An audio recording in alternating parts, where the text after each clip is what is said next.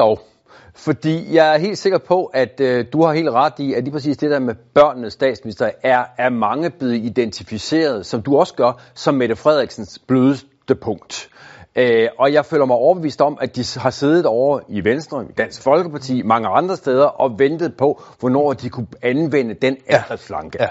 Min påstand er, at det er altså blevet vanskeligere for dem, der ikke vil Mette Frederiksen noget godt, Venstre, Dansk Folkeparti, hvem har vi ellers i oppositionen? Det er blevet vanskeligere for dem at køre med på den ja. der med, at hun ikke er øh, børnens statsminister, efter at ham her. Jonas Eika, er gået op. Ja. Fordi hvis du kører den der med, at Mette Frederiksen ikke er, blevet, ikke er børnens statsminister, så risikerer du at blive slået i hardcore med den her ungdomshus-retorik.